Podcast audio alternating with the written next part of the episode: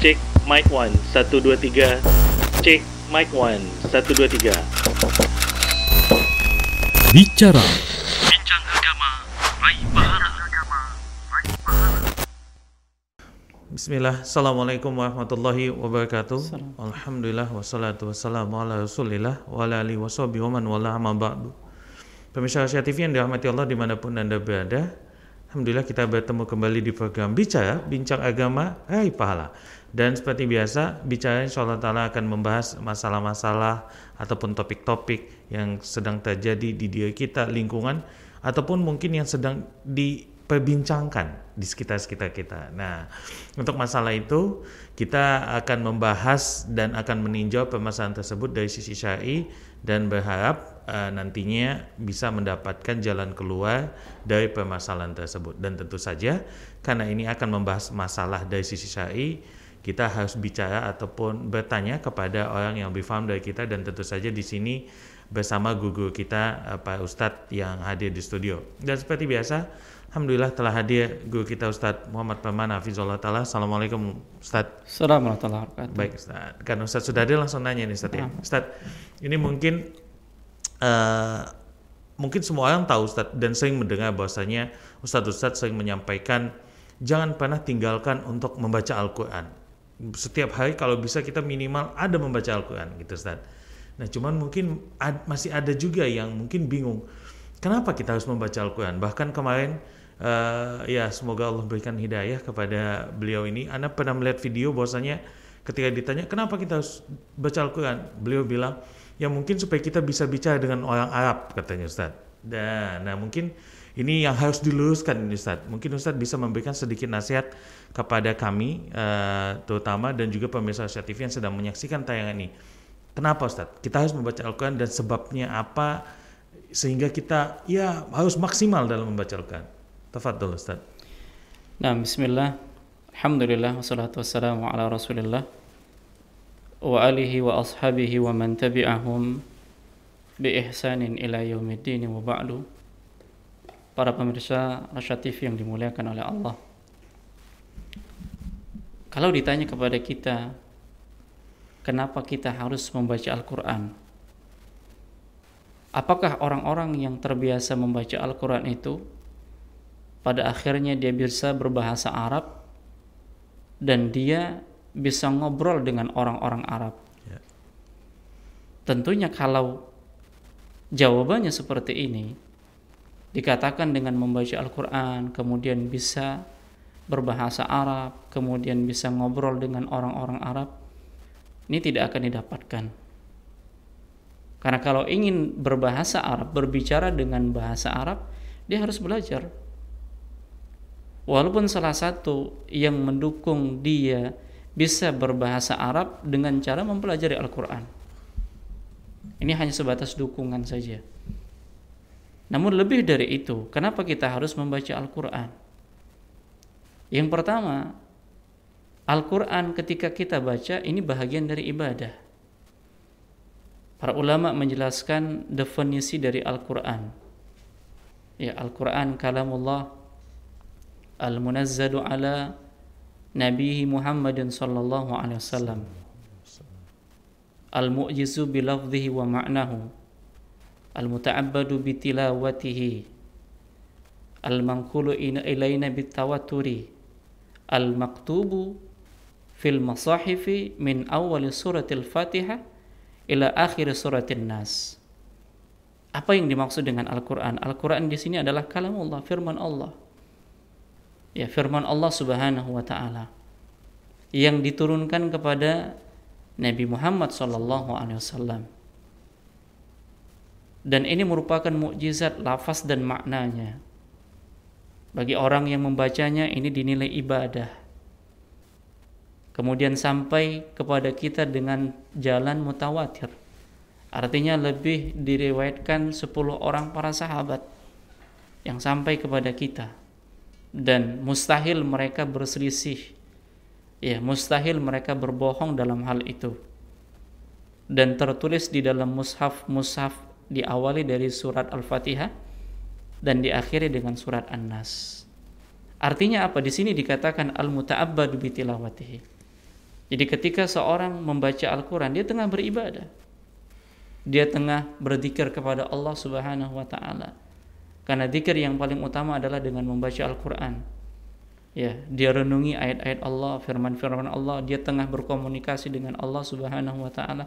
Inilah komunikasi yang dilakukan oleh seorang hamba kepada Allah dengan cara apa? Dengan cara membaca ayat-ayatnya. Dan pada saat dia membaca ayat-ayat Allah, dia tengah beribadah kepada Allah. Kenapa dia dikatakan tengah beribadah kepada Allah? Karena pada saat itu dia tengah menghinakan dirinya, menghilangkan aktivitas yang lain, meninggalkan aktivitas yang lainnya. Dia tidak makan pada saat itu kecuali kalau kondisinya istirahat. Dia tidak minum pada saat itu kecuali dalam kondisinya dia haus. Dia tidak tidur pada saat itu kecuali dalam kondisi dia sangat yang ngantuk seperti itu. Kondisi yang memang dia harus tidur. Dia tinggalkan semua aktivitas yang lainnya, dia fokus menghinakan dirinya membaca ayat-ayat Allah Subhanahu wa taala. Dan ini bahagian dari ibadah. Jadi kenapa kita harus membaca Al-Quran? Karena ini salah satu ibadah kepada Allah Subhanahu Wa Taala. Kemudian yang kedua, Al-Quran ini merupakan kitab suci orang-orang yang beriman, kaum muslimin. Sehingga kita dikatakan ya ummatul Quran, umat yang diturunkan Quran kepada kita.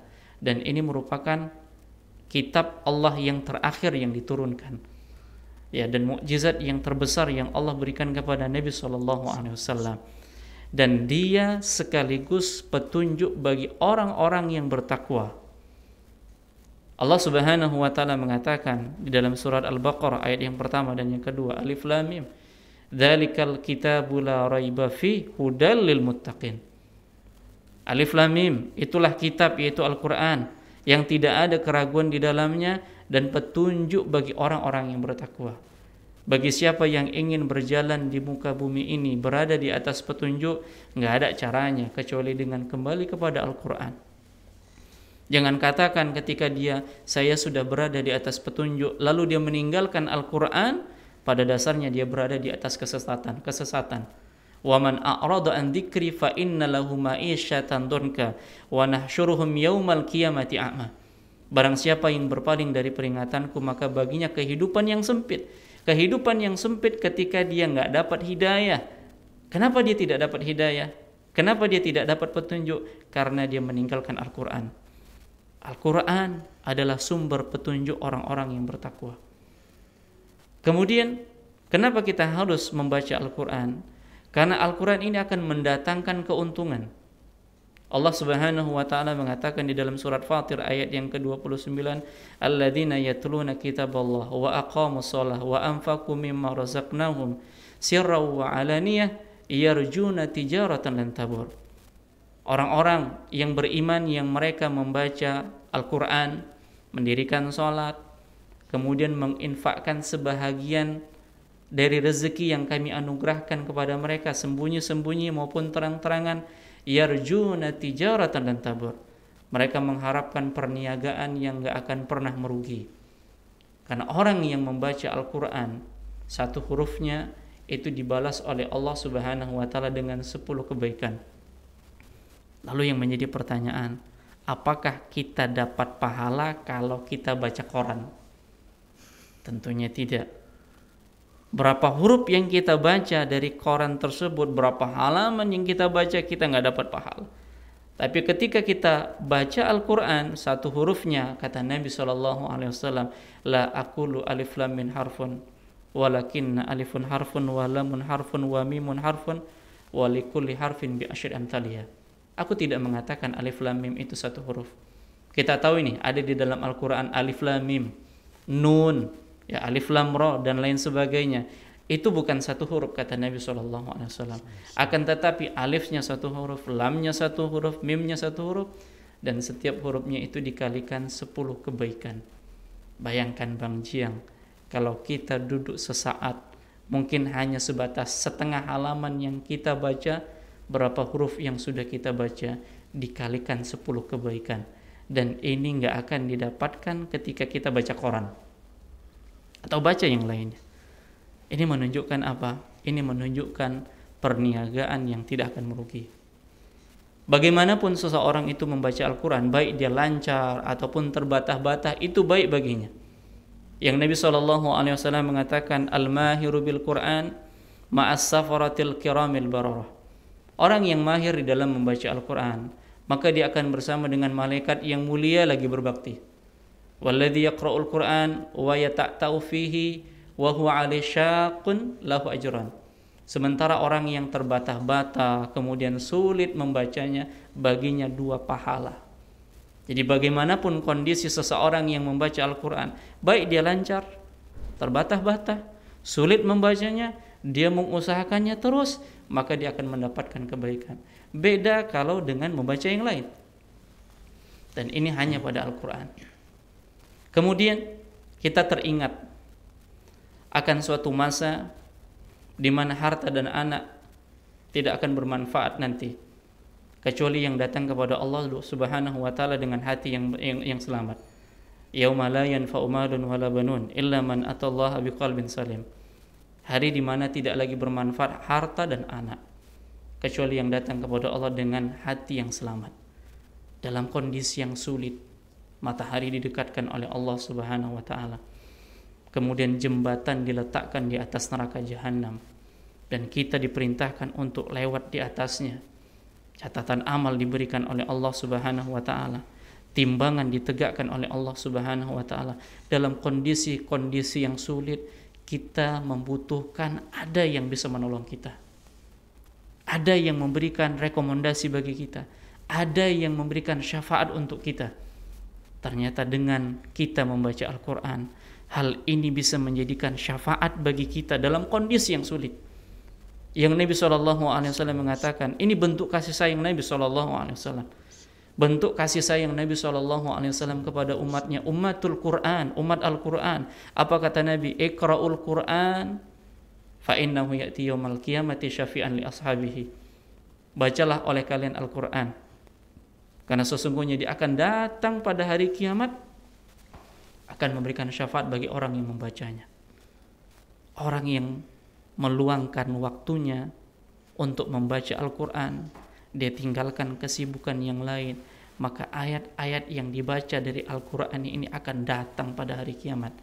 Membelanya, menolongnya di hadapan Allah Subhanahu wa Ta'ala, karena masanya dihabiskan untuk membaca Al-Quran. Maka, kenapa kita harus membaca Al-Quran?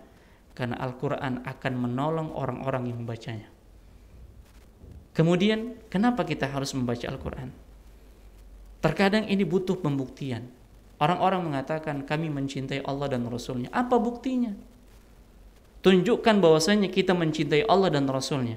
Oleh karenanya, Abdullah ibnu Mas'ud mengatakan, barang siapa, ya, barang siapa yang ingin melihat apakah dia mencintai Allah dan Rasulnya, man ahabba an ya'lam annahu yuhibbullaha wa rasulah Barang siapa yang ingin mengetahui apakah dia mencintai Allah dan Rasulnya, falyandur, maka hendaknya dia lihat. Fa in kana yuhibbul Qur'an, fa innahu yuhibbullah wa rasulah. Maka lihatlah sekiranya dia mencintai Al-Qur'an, maka dia mencintai Allah dan Rasulnya. Jadi tanda kecintaan seorang hamba kepada Allah dan kepada Nabi-Nya Shallallahu Alaihi Wasallam ternyata dengan membaca Al-Quran.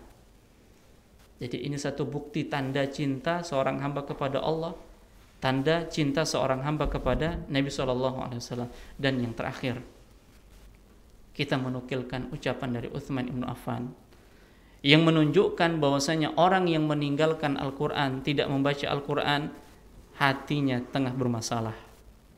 Beliau mengatakan sekiranya hati kalian tidak bermasalah, niscaya kalian tidak akan pernah merasa kenyang dengan kalam Rob kalian. Ini menunjukkan ketika kita malas membaca Al-Quran, meninggalkan Al-Quran, ini menunjukkan hati kita tengah bermasalah. Hati kita tengah bermasalah. Kalau seandainya hati kita tidak bermasalah, yakinlah mungkin setiap harinya kita akan sisihkan waktu kita untuk bersimpuh, kemudian membaca Al-Quran. Kalaulah memang kita tidak bisa membaca satu juz setiap harinya, maka silahkan dikurangi setengah juz kalau tidak bisa setengah juz, silahkan satu lembar. Kalau bisa tidak tidak bisa satu lembar, silahkan satu halaman.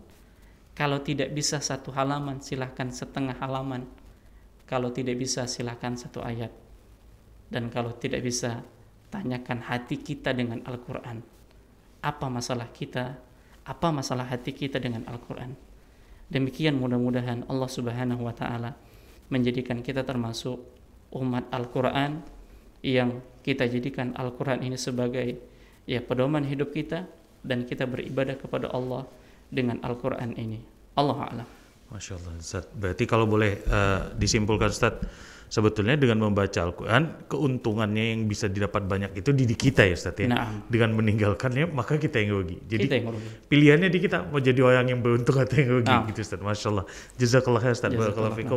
Baik pemirsa Asia TV yang dirahmati Allah di mana pun Anda berada dan demikian berakhir sudah program bicara kita pada episode kali ini. Semoga apa yang disampaikan oleh guru kita tadi bisa kita amalkan dan bermanfaat untuk ke depannya bagi kita dan keluarga kita. Kita tutup pertemuan kita dengan doa kafatul majelis. Subhanakallahumma bihamdika. Asyhadu an la ilaha illa anta astaghfiruka wa atubu ilaik. Assalamualaikum warahmatullahi wabarakatuh. Assalamualaikum warahmatullahi wabarakatuh.